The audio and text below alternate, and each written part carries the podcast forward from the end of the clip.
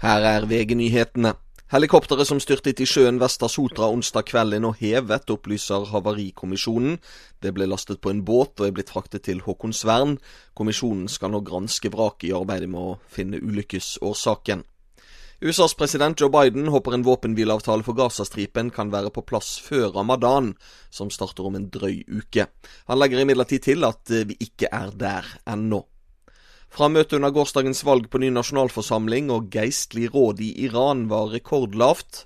Rundt 41% av velgerne stemte i valget. Opposisjonen oppfordret på forhånd til valgboikott. Et bolighus i Alvar nord for Bergen har brent ned.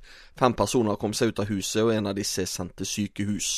En person har status som siktet etter brannen, men politiet har ennå ikke redegjort for bakgrunnen for dette.